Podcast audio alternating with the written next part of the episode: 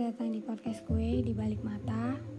Kalian semua bakal temuin cerita-cerita abnormal yang di luar nalar kalian.